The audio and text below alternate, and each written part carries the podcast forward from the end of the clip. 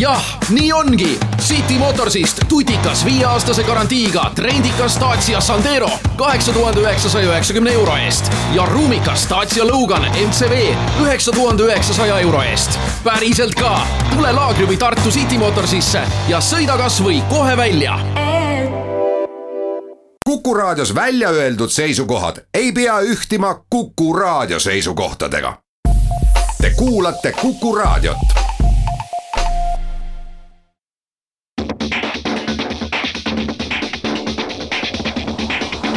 autotund.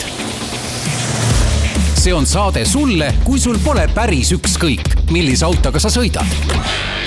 autotunni toovad teieni parima hinnaga Fordid infoautost. tere tulemast kuulama Autotundi. täna on stuudios äh, taas kord kolm inimest. Tarmo Tähepõld, Martin Mets ja Paula-Johanna Adamson. kõik oleme Geenius uudisteportaalist Paula on pärast siis ka nii-öelda külalise rollis, kellele me küsime küsimusi. nii, äh, räägime natukene Peterburi tee väga halvast olukorrast. ja siis me räägime sellest, et äh, luksusautosid ikkagi natukene nagu tahetakse Eestis hakata maksustama, et vähemalt ideed on taas päevakorral. Äh, lõpuks selgus pikalt räägitud Eesti aasta auto kaks tuhat kakskümmend ja selgus see, et Eestisse tuleb lähikuudel juurde kakskümmend uut eh, elektrilaadijat. Äh, siis on hea minna laadima näiteks Lexus elektriautot, sest ka nemad on lõpuks ühega välja tulnud. või kunagi ühel toredal päeval võib-olla seda müstilist ulmelist autot, millel klaasid kohe katki läksid jah, kes ei tea, see, seda tasub kuulata. ja siis äh, proovisõit ka üle pika aja, milleks oli meil seekord äh, väga populaarne automark Toyota mudeliga Supra autotunni toovad teieni parima hinnaga Fordid infoautost. nii, aga kõigepealt siis äh, ma tahtsin rääkida ühte sellist äh,, ma ei, ma ei ole kunagi varem kohanud äh, peale meedia seda kohta, mille nimi on diislipaanika. et inimene päriselt ei julge osta autot, sellepärast et see on diiselmootoriga. et inimene pidi valima, annan ühele sõbrale nõu, et auto ostmiseks, ma olen niisugune asjatundlik inimene, ta ütles, ta valis välja ühe auto, mis talle väga meeldib, kõik mahub eelarvesse, kõik, ja siis selgus, et see tema välja võetud versioon on broneeritud ja on üks täpselt samasugune, aga diiselmootoriga ja seda ta ei taha osta, sellepärast sellega ei või varsti enam sõita. ja siis ma pidin talle selgeks tegema, et noh, lähima kümne aasta jooksul seda tuttuut autot, millel on kuu, euronõuded vist kuus koma kolm, ei, mis see, euro kuus kolm nõuded, et noh, seda ei keela lähiajal keegi ära, aga päriselt inimesed kardavad diiselmootoriga autot osta, sest et keelatakse ära.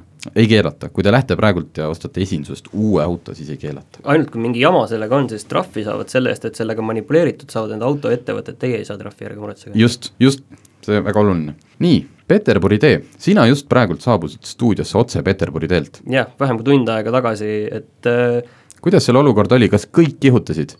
täna nagu ei olnud, üsna selline rahulik, võib-olla mõned olid seal pluss viis ja aga muidu viiekümne alas sõideti enam-vähem viiekümnega. jutt käib siis sellest, et eelmisel nädalal politsei tegi mõõtmise Peterburi tee üheksakümmend kaks ees, kes ei tea, siis see on natuke Bauhofist, põhimõtteliselt IKEA kandis. ja tabas kolme tunniga selle mobiilse kiiruskaameraga kaheksasada üksteist äh, patustajat. tead, enne kui edasi lähme, et kas see on kõige suurem äh, trahviaktsioon Eh, mis Karist... vabas Eestis on toimunud, et võib-olla siin varem on olnud suuremaid trahviaktsioone, aga karistusaktsioone, aga vabas Eestis või? ma arvan küll jah, selles mõttes tunni aja jooksul äh,, ei kolme tunni jooksul kaheksasada üksteist inimest, oli vist äh, kolm inimest minutis ületasid kiirust. point on siis selles, et seal on lubatud viiskümmend, seda, kui kiiresti täpselt sõideti, me veel ei tea, sest isegi mobiilse kiiruskaameraga on inimene, kes vaatab kõik need pildid üle ja saadab välja trahviteated äh, sisust manuaalselt. nii et see töö võtab aega, seda statistikat meil veel ei ole, kas seal näiteks valdav enamus ületasid kolm kilomeetrit lubatud või sõideti kakskümmend kilomeetrit üle lubatu. aga meil, äh, miks me seda kajastada võtsime, esiteks sellepärast, et inimesed ärge kihutage, aga teiseks on see, et äh, me läksime toimetuses natukene tülli. minu arust mitte, et ma õigustaksin seal kihutamist ja kui liiklusolukord, pärast politseilt küsisime, et see aasta on seal juhtunud üheksa liiklusõnnetust, kus on inimene kannatada saanud selle, selle lõigu peal. järelikult noh, alguses mulle tundus isegi, et miks seal üldse peab viiekümnega sõitma, et seal on ju mõlemas suunas kohati kolm rida, aga olgu, kui seal on ohtlik koht, siis tuleb. aga mina leian, et seal on täiesti puudulik tähistus Martin natukene ei leidnud seda. ei, minu meelest seal tähistusega on kõik korras, aga see on ka ainus asi, millega sellel tee peal kõik korras on, et iseenesest see tee on korralik häbiplekk tervele Tallinnale, sest just tulles mööda seda teed, no see on ikka uskumatult kohutavas seisukorras tee. ja teine asi on see, et kui see kunagi on sellisena ehitatud, siis see ei vasta absoluutselt enam nendele vajadustele, mis seal praegu toimub. et kas sa võtad selle põhimõtteliselt viiekilomeetrine lõik Smuuli ristist äh, sinna linnast välja, kus pärast linna hakkab ilus sile äh, suvel sada kümme neljarealine tee, täpselt, aga see tee on täiesti kohutav. Ja peale selle need, ütleme, et palju seal on ülekäigukohti, praktiliselt ei ole, seal mõned üksikud on, mis sa aga kes sealt üle käib, tuleb ühelt heinamaalt ja läheb teisele? ei ole heinamaad enam, seal on tööstushooned, nüüd inimesed elavad ja käivad seal kuskil üle sealt. Ja sa pidevalt näed, kus inimesed kakerdavad suvalistes kohtades seal tee peal seal ülekäigud on äh, päris mitmed seal reguleerimata, et see on täiesti, ma, ma saan aru, miks seal ei saa seitsmekümnega sõita, see tee on isegi täiesti kohutav, näeb välja seal, ma ei tahakski mitmes kohas seitsmekümnega sõita. paljud inimesed kommenteerisid ka, et kuidas seal üldse on võimalik kiirust ületada, sest seal on nii halb tee. aga just, et ma just tahtsin öelda, et äkki see on omamoodi niisugune ennetav meetod, sest madala autoga seal teel üle viiekümne päris kindlasti sõita ei taha. Just, et selle ma tahtsin jõuda, et, et mis nüüd on järgmine, ma jätkan ikkagi oma tähistuse seda küsimust et Järvevana teel on lubatud seitsekümmend, Laagna teel on lubatud seitsekümmend, lennujaama ees on lubatud seitsekümmend. see tähendab seda, et me ei saa lähtuda ainult sellest, et kuule, come on, sa tead, et sa oled linna sees ja linnas on ju viiskümmend.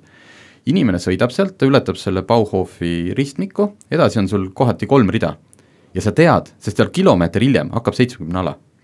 et sa tead, noh, inimesed rahulikult hakkavad natuke kiirendama, sest tee on lai, mingit ohtu ei ole, sa tead, et seal kuskil on seitsmekümne märk ka, võib-olla unustad, igatahes sealt Bauhofi ristist kuni selle seitsmekümne märgini ei ole mitte ühtegi meeldetuletust, et kodanikud, see on viiekümne ala, see on, issand jumal, kolm liiklusmärki paneks püsti plekist, tuletaks meelde just, et seal, seal ruumi on ju palju. see ei tee seda teed koledamaks ega midagi, lihtsalt noh, et lähtuda sellest, et kõik võiks ju teada, et seal on viiskümmend, no, no nagu kaheksasada üksteist trahvi näitas, et ei tea no ma arvan lihtsalt, et äh, trahvidega, üldse reeglitega minu meelest see asi, et kui inimesed saavad aru, mille jaoks need äh, reeglid on, siis inimesed, ma arvan, suhteliselt hea meelega enamik peavad nendest kinni. aga antud juhul ilmselt väga paljud ei saa aru, et miks seal see viiskümmend on, mitme lõigu peal, seal vabalt võiks olla kuni sinna äh, Ülemiste ristini ja sinna välja võiks olla seitsmekümne ala ja normaalne tee ja minu meelest see tasuks kõigepealt korda teha ja siis hakata tegelema seal muude asjadega, et see, see nagu on no see ei ole normaalne tee, mis seal siiani on, seal on need betoonplaadid, mille peale on mm -hmm. lastud, mis on jumal teab, Saksa sõjavangide poolt tehtud kuskil neljakümnendatel aastatel, et sinna on mingi kiht, vahepeal jälle uus kiht äh, asfalti peale löödud, see on kohutav tee, tehke see korda ja siis räägime edasi. just, nii et inimesed, ärge Peterburi maanteel kihutage, aga need, kes selle tee eest vastutavad, võiks siis nüüd natukene ka endasse vaadata ja mis seal aitaks püsivalt paremaks teha, et ei kihutataks. nii äh,, selle esimese saatebloogi lõppu võtaks korraks äkki siis hoopis äh, aasta auto, sest siis me ei lähe selle jutuga lappama, siis on meil ajapiirang ees. kes võitis? kes võitis? Mazda kolm võitis. Paula, mis sina panid võitjaks, sina osalesid ka žüriis? panin sellesama. jess, mina panin ka. Nii et me teadsime et Mazda kolm on see aasta aasta auto. Teie pärast, teie pärast, ma arvan, need otsustavad hääled olid tead, ma siin eelmistes saadetes ei ole tahtnud seda niimoodi noh, ära, ära rikkuda või spoilerdada, aga ega, ega kogu selle valimise käigus, noh, sa kuuled ju, me vahepeal vahetasime autosid teiste autoajakirjanikega ja sa kuuled seda, noh, vibe oli selline, et kõik arvasid, et see on hea auto ja noh, see oli tegelikult meile endale natukene teada. aga öelge nüüd kumbki nüüd ühe lausega, et miks? sellepärast, et ta on äh, sisuliselt alla kolmekümne tuhande euro auto, kuhu sisse istudes sul on niisugune tunne, nagu sa istuksid väga ka-, noh, palju kallimas autos. korralik, mõnus, kvaliteetne auto see on jah, täpselt see õige lause, pluss ta on meeletult ilusa disainiga ka minu arust. mina lihtsalt tuletan korra seda meelde, et minu ajal on olnud Mazda kuue omanik ja Mazda kuus valiti aasta autoks ilmselt aastal kaks tuhat seitse või kaks tuhat kuus ja minul on täpselt sellest aastast see auto, mis äh, roostetas ribadeks, nii et kuidas meil nüüd sellega läheb? siis ta pidi varem olema, sellepärast et äh, need Mazda kuued, mis ära roostetasid, olid esimeste põlvkondade omad. aga ta ongi aasta auto, mitte kümne aasta auto just, ega vot see, see on jah, et uute autode puhul kõik testid ja asjad, mis me teeme, noh, hästi raske on noh, hästi hea auto oli, aga ega see ju vastu ei pea, no kus ma, noh, kus me teame, äkki peab. Mazda ei kasuta enam turbomootori või selles mõttes Mazda ei kasuta jätkuvalt turbomootorit, mis tähendab seda, et nende mootorite eluiga tehniliselt peaks olema palju parem kui nendel moodsatel üheliitristel kolme silindriga, mis äh, piinatakse kiiresti ära. Mazda puhul mootor oli ainuke asi, millele mul polnud mitte midagi mitte kunagi ette heita. just, ja ta on jätkuvalt sama hea ja nüüd on äh, ilus kere kvaliteet ja kõik, nii, aga teeme pausi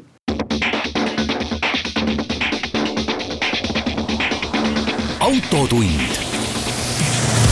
see on saade sulle, kui sul pole päris ükskõik, millise autoga sa sõidad. autotunni toovad teieni parima hinnaga Fordid infoautost. autotund on tagasi, võtame teemaks luksusauto. mis tähendab luksusauto? Paula Kudi, milline luksusauto, kas sinu Lexus on luksusauto? sa mõtled praegu hinnanguliselt? Lexus on luksusbränd ju. Täpselt oleneb see, kellelt sa küsid. Just, miks me teemaks võtsime, oli, et äh, Eesti kuidas Eesti tulevikku paremaks teha ja rohkem raha teenida, siis sotsiaaldemokraat Riina Sikkut, see oli lihtsalt, see oli selline aruteluring et see ei ole kuskil eelnõus veel Ma, kirjas. maksu et..., see oli selline maksude üle selline üldine arutelu, seal väga palju erinevaid ideid tuli, see automaks, luksusautomaks oli lihtsalt seal üks asi. just, et me ei, ei jätkaks siinkohal nagu majandusanalüüsi, et kas makse peaks tegema, aga Riina Sikkut soovitas, et äkki peaks sisse viima luksusmaksu, luksusautomaksu, mis oleks siis näiteks autodele üle viiekümne tuhande euro kas viiekümnest alates on luksusauto? kui ma hakkasin arvutama, siis noh, selle maksuga ma iseenesest võib-olla nõus ei ole, aga, aga tegelikult on Riina Sikkut, ma ei tea, kas juhuslikult või, või ikkagi on tal see väga hästi läbi mõeldud, et kõik, mis minu arust auto puhul üle viiekümne tuhande maksab, noh selles mõttes sa ostadki juba luksust. sa ostad kas võimsamat mootorit või ostad sa palju kvaliteetsemat sisustust, suurust või kõike seda korraga, noh, ja siis nii ta tõuseb kuni sinna kahesaja viiekümne tuhandeni, mis on Bentley et äh, alla viiekümne tuhande saavad kõik inimesed oma põhivajadused täidetud, sa saad suure auto, kui sa tahad, aga mitte nii võib-olla luksuslikku. ja siis sa saad kiire auto, kui sa tahad, aga noh, siis on seal mingeid muid puudujääke. aga ma ei tea, selles mõttes, et täitsa huvitavalt pani ta selle hinna paika. ma sellega olen nõus, et üle viiekümne tuhande aut-, lähebki luksusautoks. mina oleks nagu tühja koha pealt arvanud, et see on ikkagi rohkem, ma oleks ütelnud, et luksusauto, noh, sada, luksus on ikka luksus. et see viiskümmend tuhat on lihtsalt väga korralik. see on, luksus on see, mis on ju ülalpool põhivajadusi, noh selles mõttes, kas sul on korter kolm tuba või on sul viis tuba, sest et noh, tore oleks ju, kabinet oleks ja siis oleks külaliste tuba ja noh, asjad, mis sul enamjaolt seisavad tühjana, see ongi luksus aga palju Eestis võib-olla neid autosid üldse olla, mis on üle viiekümne tuhande ja kas sellel maksukogumisel huvitav üldse oleks niiviisi mõtet? kindlasti on, selles mõttes noh, neid autosid on palju, kui me võtame, nad ei jõudnud enne saadet seda suurt hiidtabelit eelmisest aastast lahti võtta, noh, kui sa võtad margipõhiselt, siis põhimõtteliselt kõik BMW-d, Audid, Mercedesed, Volvod, mida Eestis ikkagi me noh, müüakse kokkuvõttes tuhandetega, need kõik, ma arvan, see müügihind tuleb üle viiekümne tuhande. Et ta võib hinnakirjas alata jah, seal neljakümnest ja aga selliseid naljalt ei osteta. siis on selline mulje, nagu Eestis on väga, väga, väga paljudel luksusautod, see nagu aga ongi noh selles mõttes, et noh, siin ei saa vaielda, lihtsalt küsimus on selles, et kas seda maksu vaja on ja teine asi on see, et vaata, kui tuleb maks, siis tuleb ju, siis tulevad ju kavalused peale. noh, me hakkasime kohe siin fantaseerima, et kuidas siis saaks nihverdada. et ostadki, et sulle tehakse arve, sa ostsid auto, üks arve on sul neljakümne tuhande peale, see on auto eest. kahekümne tuhande eest ostsid siis ja need siis, rehvid ja väljad kahekümne tuhande, kakskümmend tuhat. ja siis järgneb kunagi teine arve, kus on siis lisavarustus kirjas, mis on siis jah, kakskümmend tuhat näiteks ja see siis noh, kuna need on kaks erinevat arvet ja auto eest ei pea maksma. see ei ole auto, see on rehvide eest. ja see on rehvide eest just, ma ostsin omale helisüsteemi, see helisüsteem ei ole auto. aga tegelikult siin on väga lihtne selles mõttes, et käibemaksu sa maksad viiekümne tuhandese auto pealt või ükskõik kui palju kalli auto pealt, sa maksad lihtsalt summalina no, rohkem, mis äh, ongi luksus nii, enamik äh, elektriautosid praegult jätkuvalt näiteks oleks luksusautod, neid tuleb odavamalt, aga elektriautode puhul oli eelmine nädal tuli tore uudis, et äh, elektritransport paneb äh, lähikuudel püsti ligi kolm, kakskümmend uut laadijat ja järgmise aasta lõpuks lisandub neid kokku sada või isegi üle saja, mis tähendab seda, et nad ei öelnud või nad ei teadnud veel, kui palju neist on kiirlaadijad ja kui palju on poolkiirlaadijad poolkiirlaadija on näiteks selline, mis on Tallinn T1 kaubanduskeskuses pandud püsti. ja see tähendab seda, et äh, elektriauto ostmine muutub natukene lihtsamaks või vähemalt selle vabanduse leidmine sest ainuke asi, mida mina praegu näen, on ju, et äh, Facebookis on üks elektriautode grupp, äh, mis teeb väga head elektriautode antireklaami sellega, et on pidevalt täis pilte, kuidas need laadijad on kinni pargitud, sinna keegi on jäänud laadima ja alati, alati, iga päev näed, et mingi jama on selle laadimisega, et see teeb väga head antireklaami ma just vaatan, et niikaua, kui neid pilte sinna veel tuleb, siis sa tead, et elektriautot ei tasu veel osta. nojah, loodame, et äkki siis inimesed, äh, inimesi haritakse või, või nagu Peterburi tee puhul, hakatakse trahvi tegema. pargide elektrilaadija kinni ja on kohal mupo, kes siis väga hakkab... hea, lihtsam on vist mitte osta elektriautot niiviisi. ei noh, kuule, nii ka ei saa. Näiteks äh, Lexus äh, küll tahaks, et sa ostaks elektriauto, sest ka nemad lõpuks, kes on olnud alati hübriidtehnoloogia lipulaev, sisuliselt äh, peaaegu kõik Lexused, mis müüakse, ongi elektriautod või need hübriidid. kas sinu oma on hübriid või on tavaline? hübriid. oleksid sa kaalunud ka tavalise osta? väga mitte. just, et see on, tundub nagu nii, miks Lexuse elektriauto tuleb selle, nende kõige väiksem maasturi UX põhjale. Mm, UX kolmsada E on ta nimi, järgmine aasta lõpp juba peaks kohal olema. noh, sõiduulatus selle vana mõõtmistsükli järgi ennustatav on nelisada, nii et nad ei ole läinud väga suure ulatuse peale, et mis reaalselt võib tähendada siis mingit kolmsada viitekümmet, pigem nagu linnaauto, aga seal oli huvitav välja toodud, et põhja alla lisatakse täiendavat heliisolatsiooni, ühesõnaga nad lähevad nagu nad on, luksusauto, luksuse peale. et oleks hästi vaikne auto ja siis oli seal selline asi, et sisuliselt nagu, kuidas nende müra summutavad kõrvaklapid, et auto tehakse hästi vaikseks, aga väljast võimendatakse sulle sisse, ma ei saanud aru, seda metsakohinate linnulaulu. et sa tunneksid, mis teeolud ja mis, mis väljas toimub. tead, ma just sõitsin äh, seal äh, selle, kui ma käisin selle Porsche Cayenne'iga sõitmas, siis kõik oli väga vaikne väljas. ja siis äh, seal mingid väiksed kohad, kus me käisime sõitmas, järsku mingi koera haukumine, selline tunne, et see koer on sul kuskil rataste all juba, see koera haukumine tuli sisse nii, nagu see koer istuks su kõrval, mitmel korral ja muidu oli täielik vaikus, et kas nad kuidagi huvitav võimendasid seal ka seda heli või? no arvata on, sest on ju ka luksusauto mm. -hmm. igatahes öeldud, see on aktiivne helijuhtimine edastab ümbritsevaid looduse helisid, mis annavad aimu sõidutingimustest mm. -hmm. aga see ise on natukene liiga hirmutav, kui muidu on kõik vaikne ja järsku see, sa oled kindel, et see koer on sul rataste all juba. jah, mõtle, kui keegi näiteks sõber või keegi tee, tee äärest hõikab, Martin mm. nii, siia saatetunni lõppu pikemat teemat enam ei võtagi, lihtsalt tahaks öelda, et eelmine nädal oli automaailm noh, väga rikkalik. siia tuli näiteks äh, lisaks Lexus elektriautole kuulutati välja RAV, Toyota RAV4 kolmesaja hobujõuline versioon, mis on siis pistikhübriid, mida sa saad laadida, saad kuuskümmend kilomeetrit sõita ainult elektriga. kujutage ette, maailma kõige mõistlikum ja igavam pereauto saab ka juba kolmsada hobujõudu. Eestisse jõudis Volkswageni linnamaastur T-Roc R, millel on kolmsada hobujõudu, ma saan aru, et kolmsada hobujõudu on linnamaasturite uus standard. aga äh, kui sa sellest standardist üle tahad hüpata, siis Mercedes näitas lõpuks oma kõige suurema maasturi GLS-i Maybachi versiooni. noh, mis on, äh, kui me nüüd ru-, nagu päris luksusautodest räägime, siis Maybach on see, ma arvan, et selle hind hakkab üle kahesaja tuhande või läheb kindlasti, sa saad teda kahetoonilisena, et sul on ülemine pool on näiteks tumepunane ja alumine must, sees äh, taha saad tellida kaks eraldi istet, millest sa saad niimoodi lamada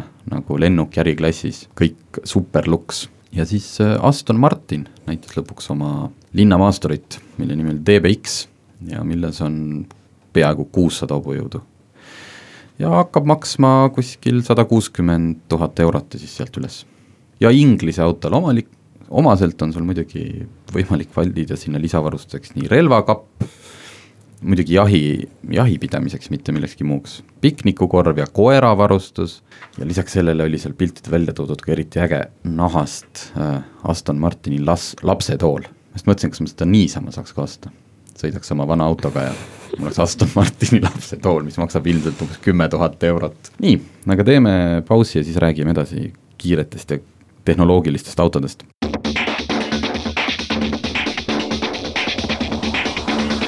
Autotund. see on saade sulle, kui sul pole päris ükskõik, millise autoga sa sõidad. autotunni toovad teieni parima hinnaga Fordid infoautost. autotund on tagasi, nüüd on meil, annaks rohkem sõna Paulale. kõigepealt ma tahtsin küsida, et sina käisid eelmine nädal Helsingis oli suur, ma ütleks startup'i festival, Slush ja kui nendel, igast elektroonikamessidel on tihti hakanud sisse tulema ka autofirmad, kes on toonud sinna IFA-le ja autosid, kas Slushil olid ka autod kohal? veidi oli, et äh, mitte väga palju küll, aga oli kohal äh, isesõitev äh, veoauto, Einride, mis on siis Rootsi, Rootsi firma, kes teeb isesõitvaid veokeid. mis tasemel ta võis juba, kas ta on juba niisugune testifaas või ta oli mingi makett? Äh, on testifaasis ka juba, pidi kuskil Rootsis äh, tehaste vahel äh, kaupa vedama ja muidugi Porsche oli oma boot'iga kohal, et nad olid. Taycaniga. jaa, nad olid sinna pisikese Taycani pannud selge, Martinile eelmine näidati päris, eelmine nädal näidati päris Taycani, Soome toodi kohale mudel Taycan, et see ikka, ikka hoitakse meid pingul. aga kas startup induses automaailma puudutatakse, selles mõttes, kas seal oli mingit innovatsiooni? eks see smart mobility ja no. kogu see IoT on kindlasti teema, et see natukene puudutab automaailma ka. aga üks põnevamaid, mida ma nägin, oli üks äh, startup, kes tegeleb äh, virtuaal, virtuaalse reaalsusega. ja nemad siis äh, tegelevad sellega, et kui disainitakse uut autot, siis nemad teevad disaineritele sellest disainitavast autost siis sellise virtuaalse äh, mudeli, kus saab siis proovida, kuidas seal autos istuda on, millele sul tähelepanu läheb, kui sa seal autos istud, kuidas on vaateväli. Ja ühtlasi sa saad siis jooksvalt äh, oma käega joonistada ja sketš ida seda enda ümbrust siis, et seda siis muuta paremaks. ma lihtsalt ütlen, et see on nagu midagi, mis minu meelest on selles Tesla äh, kübertrakis tegemata. Ma ei kujuta ette, kuidas sealt välja vaatab, kas keegi on enne seda, kui see asi disainiti, sinna ka sisse istus, et vaadata, kuidas see väljavaade sealt on, et et selline virtuaalreaalsus äh, tõenäoliselt võiks ju toimida siis ka auto müügina, et sa paned tähele ja siis sa lähed, lõpuks, kui ta valmis on disainitud, siis istud sinna sisse ja kuidas sulle seal meeldib. põhimõtteliselt jah. nii, aga kuna Martin selle Cybertrucki ette võttis, siis eelmise nädalana vaieldamatult kõige suurem autosündmus ja ma ütleks ka selle aasta nii-öelda üllatus Äh, oli mitte see, et äh, Tesla oma selle Cybertrucki ehk siis kastika välja tõi, seda oli teada, et ta seda lähiajal esitleb, aga see, milline ta lõpuks välja nägi, mina ei osanud sellist asja küll oodata ja kui ma, see esitus oli jälle Ameerikas öösel, vist mingi pool neli hakkas, ma loomulikult ei viitsinud seda jälgida ja kui ma hommikul üles ärkasin ja oma nii-öelda uudisteringi ära tegin, siis mõtlesin, noh, siis hakkadki otsima seda, et kas see on fake news, kas äh, Elon Musk on jälle mm, kanepit teinud, igatahes see auto noh, kahtlemata väga äge, aga näeb välja nagu ükskõik milline teine auto tänavatel ei näe välja. nii, kuidas, äh, võtame kohe kokku, kas, kui sa vaatad disaini, kas sulle, Paula, see meeldis? ma läksin päris paljude sõpradega vist tülli, sellepärast et ma olin ainus inimene, kes ütles, et minu arust see on väga ilus auto. Kohe ilus, mitte äge, vaid ilus. vot siin on nagu palju nagu erinevaid sõnu, vot ilu kohta ja vot jah, ma nüüd tülli sinuga ei läheks, aga ma ei oska nagu ilu jah, seda esteetikat, ühesõnaga me, meil ei ole mõtet siin raadioeetris seda välimust kirjeldada, lihtsalt trükkige sisse Cybertruck nagu kübertrukk ja siis te saate ise vaadata seda ja kuulata saadet edasi. nii, aga, aga mis seal siis ilusad, kas need Need teravad jooned seal vist kuskilt loeti kokku, et sellel autol on ainult äh, sada kakskümmend kaks äh, külge. Äh, tahuline. jah, et neid, ta on hästi selline konkreetne, et tavaliselt igal pool noh, kumerad jooned või on siis mingid, mingid väiksed kuskil mingid detailid on ju, aga siis sada kakskümmend kaks, noh, nii palju, kui andis nagu lugeda, on ju piltide järgi, et sada kakskümmend kaks külge mm. -hmm. see auto muuseas on otseselt saanud ka inspiratsiooni ja Musk ei ole seda kunagi ka varjanud filmist Blade Runner aastast tuhat üheksasada kaheksakümmend kaks vist, seal kasutati sarnaseid autosid nii, äh, tegemist on loomulikult elektriautoga, mm, millel on äh, väga võimekas äh, tööauto funktsioonid ja selle, kui seda autot vaatad, siis sa arvad, et see on selline noh, mingite ma ei teagi, startup firma juhtide nagu mänguasi, et niisugune kandiline ja siis nad saavad näidata, kui noh, tulevikutehnoloogia mehed nad on, tegelikult esiteks teine suur üllatus lisaks disainile oli see auto hind mis Ameerikas hakkab kõige tavalisemal ehk siis kõige nõrgemal versioonil alla neljakümne tuhande dollari. Aga see konkreetne disain ilmselt võimaldab seda teha, et ei ole selliseid keredetaile, mis on, mida sa teed, mida valatakse ja tehakse, ma ei tea, eriti keerulistes just, et see on konkreetset ja seda, seda odavam. ta on selline värvimata nagu, nagu niisugune lihvitud roostevaba metallivälimus, mis inglise keeles on cold rolled, külmalt rullitud, on seal mingi eestikeelne tehnoloogiline tähendus, ei. igatahes noh, mingi teine tehnoloogia, kuidas seda metalli tehakse. huvitav, kas see oli sellepärast, et neil oli see probleem värvi kvaliteediga hiljuti ja siis see on väga, just, et see on kõige lihtsam, kuidas võidelda jah, kehva värvikvaliteediga, mitte ära. autot värvida, geniaalne. Äh, aga selle üks, selle materjalil on mitu head omadust, üks on see, et ta on väga löögikindel, mida siis seal laval demonstreeriti ja taoti autot Kuvaldaga ja, ja noh, selles mõttes kujuta ette, kui sa saad praegu tavalise kastika Ford F saja viiekümne või ükskõik mis teise auto lavale ja hakkad seda Kuvaldaga taguma, siis seal noh, ainuke koht ilmselt, mida sa võiksid lüüa, on rehv ja siis see haamer lööb sulle näkku tagasi, seda autot taoti päris hoolega ja ei juhtunud mitte midagi. küll aga väideti, et ka klaasid on löögikindlad ja peaks, see kere peaks ka isegi väikest kuuli kinni pidama aga sealt, sealt edasi läks see ettekanne natuke seal laval piinlikuks, sellepärast et kui peadisainerile anti metallist kuul, mida ennem demonstreeriti niimoodi, et lasti ühest torust noh, nagu klaasi peale kukkuda, klaas, mis ei olnud auto küljes, ja ei läinud katki, tavaline klaas läks. siis ta võttis sedasama metallist kuuli ja virutas selle täie see nägi välja selline kilone kuul umbes. täie jõuga aknasse ja aken purunes. ja, ja virutas selle teise aknasse ja ka see läks katki mis muidugi Elon Muskil, kes seda asja seal läbi viis, oli natukene noh, nagu sel hetkel raske olla, aga kandis ära. ühesõnaga, automaks saab alla neljakümne tuhande euro, kui ta siia jõuab, siis muidugi kallim, maksud, transport. ja kõige kallim versioon on seitsekümmend tuhat dollarit, mis on siis kolme mootoriga, kiirendab sajani vähem kui kolme sekundiga ja suudab vedada vist oli äkki kuus koma kolm tonni, mitte kastis, aga haagist, kastis suudab ka midagi vedada et äh, selline päris äh, huvitav auto no saab näha, kas ta tuleb täpselt sellisena ikkagi müüki ka. jaa, selles mõttes küll, et ta tuleb kahe läbib, aasta pärast. jah, et kas ta läbib mingeid veel uuendusi, midagi tehakse teistmoodi, et seda... saab mõned tahud juurde seal on mõned tahud on ilmselt juurde vaja, kõige suurem mure on, mis, et igasugused turvatestid läbida, et noh, täiesti kindel, et inimestel seal sees on küll väga turvaline olla, aga et kuidas ta suhestub ümbritseva liiklusega. Et kui selle noh, põhimõtteliselt kuubiku või selle kiilukujulise kingaga sõita nüüd jalakäijale otsa, siis hetkel tundus see, et sealt võitjana noh, kindlasti väljub kübertrukk, aga noh, ta ju isegi mõlki ei teki tänu metallile. aga peegleid jälle sellel autol muidugi ei olnud, on ju? ei, hetkel seal laval küll minu arust ei olnud, jah. nii et äh, äh seda seekord, kui tavaliselt on Tesla eeltellimine see, et ikkagi kas tuhat, kaks või kolm tuhat dollarit pead sisse maksma, siis Cybertrucki puhul äh, küsid sada dollarit mis ilmselgelt on selleks tehtud, et siis sa saad näidata väga suuri numbreid ja praeguseks on neid eeltellitud üle saja viiekümne tuhande. väga lihtne, vaata, kuidas raha jookseb juba neil. juba on viisteist miljonit nagu seda käibevahendeid. sellega kannatab seda Tesla kahjumit võib-olla isegi mõne päeva juba niiviisi tasa teha. olen, olen näinud, olen näinud sotsiaalmeedias juba ka eestlasi, kes on näi-, pannud selle screenshot'i, et your order is confirmed nii et loodetavasti me näeme siis esimesel võimalusel ka Eestis Cybertruck'e äh,. Ei saa öelda, et äh, oleks auto, mida ma ei tahaks testida või isegi endale, ma võiksin seda endale tahta esimese Teslana. teeme väikse pausi ja siis räägime natuke tavalisemast autost.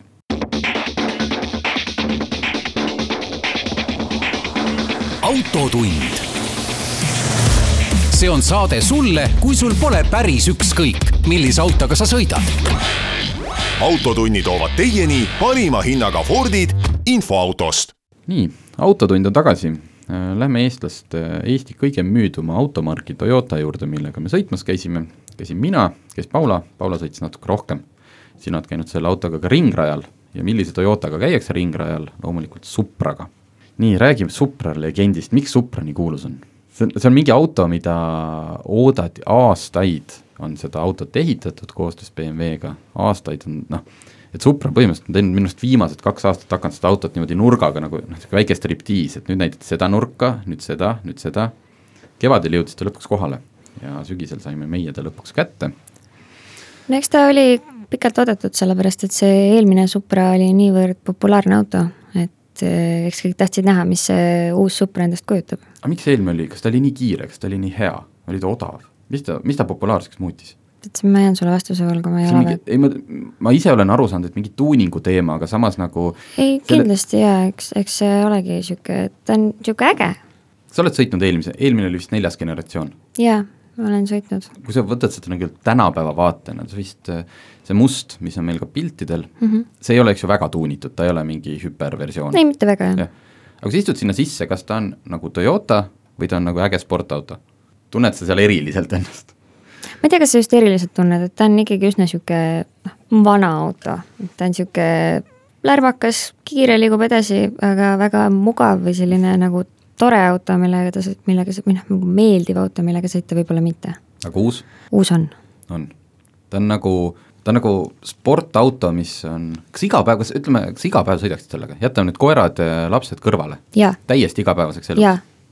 Kindlasti. ma oleks äh, valmis ohverdama need koerad ja lapsed Männi, pane raadio kinni. et äh, minu jaoks noh, mina olen ikka see veits linnamaastur tüüp, et noh, mul ikka võttis tükk aega harjuda selles nagu tankis istumine, see, et noh, sul on see nagu esiklaas on nagu laskeava ja kuna sa istud madalal, siis küljeaken ka juba vaikselt vaatad seda noh, nagu seda keskpiilarit ja ma ei näinud välja sealt hmm.. aga seal vist pikematel inimestel äh, tekib selle pearuumiga ka probleem, kuigi nad on teinud selle topeltmulli ja, ja nad on teinud kiivri koha sinna. jah yeah,, mis annab natukene seda lisaruumi. ma just vaatasin seda pilte ja mõtlesingi, et miks seal niiviisi selline see on nagu kaamel oleks seal natukene nagu katuse peal, aga see ongi keegi disaineritest istus katusele kogemata aga ma lihtsalt küsin ära selle, et kas see on siis äh, ametlikult luksusauto? hinna poolest? jah, ta napilt on luksusauto jah, nii et kui see luksusauto maks tuleb nagu äh, raha pealt, mitte konkreetselt, et kui sa ületad selle viiekümne, et siis on nagu fikstasu, et siis noh, väga palju juurde ei tule, see on selline, kui see kõik, kõik asjad, seal noh muidugi palju lisada ei saagi, see on kõik olemas, niisugune kuuskümmend, seitsekümmend tuhat eurot. no kuuskümmend ütleme, siis, siis sa oled juba täitsa, täitsa mäel. nii et väga palju ei pea luksusmaksu maksma. aga mis sa sellest saad? sa saad selle eest ühe väga kiire putuka, kellega on väga-väga hea ringi sõita, aga sul peab väga-väga-väga hea enesetalitsus olema. sellepärast, et eh, noh, mitte ainult Peterburi teel, vaid okay. ka mujal. et eh, noh, ta on väga-väga kiire, aga kas ta on eh, no mina seda autot natukene kartsin. tavaliselt ma üldse kiireid autod kardan, sest nad teevad mingeid asju, mida ma ei oska oodata. ka aeglastel kiirustel, selles mõttes, et ta on kolmsada nelikümmend hobujõudu vist, eks ju, ja, ja see nüüd on see, et kuidas see sulle nagu koju tuleb. Et kas see tuleb niimoodi ootamatult, mul paar ootamatust oli, kus ma arvasin, et mul on kõik nagu hästi, jumal tänatud, et tänapäeva autodes on elektroonika, sellepärast et kui see kakskümmend aastat tagasi oleks juhtunud, siis ma ilmselt seletaksin praegu Toyotale, et miks need väljad kõverad on. Ja tutvustaksin seda äärekivi neile. aga maanteesõit, vot seda, minu, minul nagu maanteesõitu ei õnnestunud teha, sest ma proovisin linnas. Mm,. no mulle meeldis, esialgu ma sõitsin temaga rajal ja mulle ta rajal väga meeldis, sellepärast et ta oli hästi äh, kergesti sõidetav. ta oli niisugune, kohe oli mugav sõita, sa ei kartnud, ta ei olnud nagu üle võlli, ta oli hästi lihtsasti juhitav. ja maanteel käisin ka ja selles mõttes, et eks see oleneb täpselt, kui palju sul endal julgust ja tahtmist on. et äh, ma kujutan ette, et äh, mingist piirist ta ikkagi muutub nagu selles mõttes, sa pead ikka natukene teda oskama nii-öelda käsitleda. ta ei ole algaja auto? oleneb, kuidas sa sõidad temaga, kui sa temaga lihtsalt linnas sõidad, siis äh, ei ole probleemi, aga temaga kindlasti annab jõuda sinna, kus sa, kus sul on temaga päriselt põnev ja võib-olla natuke hirmus aga maanteel müra, kõik see, niisugune mugavus? ei häirinud, nagu minu arust oli küll päris vaikne. ja ta suudab olla vait ja vagane, kui tahad, jah? jaa, no muidugi ta teeb seda mõnusat turinat mm, -hmm. mida on väga hästi kuulda. Ja see on niisugune mõnus, ei ole selline liiga lärmakas. aga kui seda nüüd äh, sõita, äh, noh, mina piisavalt vähe sõitsin, et kas, kas mingi hetk oli niisugune tunne, et miks seda üldse tuunima peaks, ma saan aru, et siin on juba Toyota ise õudselt reklaamib, hakake, hakake kõik tuunima, et minu jaoks oli ta nii jaburalt äh, kiire igas asendis, et millal tuleb see hetk, kus noh, tõesti. ma arvan, et varsti. varsti. Inimestel ikka tekib see väljakutse, et võiks veel ägedam olla. aga samas äh, see on naljakas, ma olen erinevate testiautodega sõitnud mööda Eestit ringi ja noh, ikka saad pilke ja ikka inimesed panevad tähele. aga see on selles mõttes võib-olla ei ole üldse kõige kallim auto, millega ma olen ringi sõitnud, aga see on kindlasti kõige rohkem pilke, tähelepanu ja järelevaatamisi saanud auto. et inimesed sõitsid mul järel ja kuni ma kinni pidasin ja küsisid, kas nad saaks pilti teha ja lehvitasid mulle, et et tundub, et see on ikkagi inimestele läheb hästi peale. aga kas see on tegelikult inimesele, kes, kui sa ikka tähelepanu ei taha, siis ära seda autot võta, et sul peab selline kerge edevus sees olema, et sa, sa oled nüüd nõus sellega, et teeme need pildid ja et no selles suhtes, et tal on see keredisain on ikkagi päris ma ütleks raju, eriti tagaotsa on ikka selline jaa, et seal, seda näeb isegi inimene, kes autodest nagu noh, üldse ei hooli. ta võibolla... ta vaatab, ta vaatab järgi, võib-olla ta ei, ta üldse ei registreeri ära, aa, see oli Supra või midagi, aga ta lihtsalt vaatab seda. jah, ja no me Tarmoga just vaatasime, mis need värvivalikud on, et seal on see eriti silmapaistev taksokollane, nagu Tarmo seda nimetab. Tallink taksokollane, jah see, sellega meil Paulaga jäime eriarvamustele, et tema arust noh, et kui me nüüd ostaksime kumbki endale Supra, siis ma sain aru, et äh, sinul oleks kollane mm, -hmm. Mina läheks ikka klassikalisemat, kas punast või musta. ja tegin rohelist ei ole, sellist neooni või? ei ole. ei ole, aga õnneks äh, Toyota on ise näidanud seda mingi niisuguse rohelisena, ilmselt neil erimudel tuleb varsti, nad seal Ameerikas SEMA näitusel äh, näitasid viit erinevat tuuningversiooni, mis nad ise on teinud, andmaks okay. inimesele inspiratsiooni aga alati on kile just, aga Instagramis tegin küsitluse ka, võitis ikkagi kollane? ikka võits, pagan küll. Noh, selge, siis ma saan olla uhkes üksilduses oma selle punasega sõita mööda Tallinnat.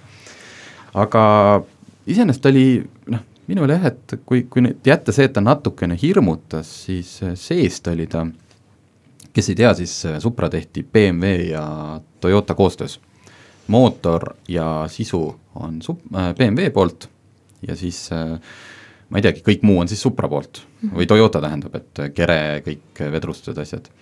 Ja see oli muidugi noh, ma ütleks turunduslikult mootori kohta ma ei oska öelda, see on ka väga hea, aga see, et sisu võeti BMW oma, sest noh, jätkuvalt ma ütlen, Toyota praegult kõige nõrgem külg on nende kogu nende graafika, kõik see, mis puudutab meediasüsteemi, mis puudutab nende noh, seda UX-i ja multimeediat. ja kuna see on kõik noh, sisuliselt puhtalt nagu BMW-st ümber tõstetud, see Z4-st mm, -hmm. siis, siis sa istud sinna sisse ja sa saad aru, et sa oled kvaliteetses autos. Sul tekib sama tunne nagu Mazda kolmes. et noh, sa istusid äh, kuuekümne tuhande eurosesse Toyotasse, aga sa tunned ennast nagu BMW-s. ja istmed on meeletult mugavad ja Oli... hoiavad sind kinni, isegi siis, kui sa teed asju, mida sa võib-olla ei peaks tegema. mul tekib selliste korvistmete puhul alati küsimus, et kui nad ei ole nagu luksusautodel, kus sa saad äh, seda oma seda külgtuge nagu laiemaks ja kitsamaks sellel panna. saad. sellel oli? jaa. Aa, ma ei leidnud seda nuppu üles, ma lihtsalt mõtlen, et osadel autodel on fikseeritud ja siis et noh, kui piinlik mingi suur, suur mees läheb seda autot ostma, siis ta istub sinna sisse ja siis ta peab tõdema, et noh, ma ei mahu selle pärast, et sul on siis ribides on sul need mingid kõvad asjad. et see paneb kaalu jälgima, selline auto sa lihtsalt istusid sinna autosse peale seda, kui mina olin seal istunud ah, võib-olla tõesti. ja, ja igaks juhuks, et kui Toyota inimesed kuulavad ja Paulo ütles, et ta käis rajal, siis ta peab silmas suvist äh, ringrajaüritust, mida ta ei teinud, ei käinud praegult. nii, aga noh, Supra, noh, see on äh, kõige äh, nagu ikkagi kõige soodsam viis minu arust praegult saada sellist noh, peaaegu superautot selles mõttes, kui sa võtaksid äh, sama lõbusa Porsche, siis see on ikkagi kaheksakümmend pluss, kui me räägime Caymanist ja, ja Boxsterist. noh, et kui, kui sarnane varustus ja kõik, et sa ei saaks Porsche't minu arust nii odavalt kätte, kuigi ta hakkab ka kuskilt sealt kuuekümne tuhande juurest. jah, ja ta on oma olemuselt ka niisugune hea entry level niisugune äh, putukas. just et..., ja, ja kes tahab praktilist autot, siis sellel autol isegi mängu tagaistet ei ole on paga-, on pagasiruum, kuhu sa saad otse käe sealt niimoodi salongist äh, sirutada, aga mingeid tagaistmeid ei ole, puhas kahekohaline. Nii, aga suur tänu kõigile stuudiosse tulijatele ja kuulajatele ja kohtume järgmine nädal.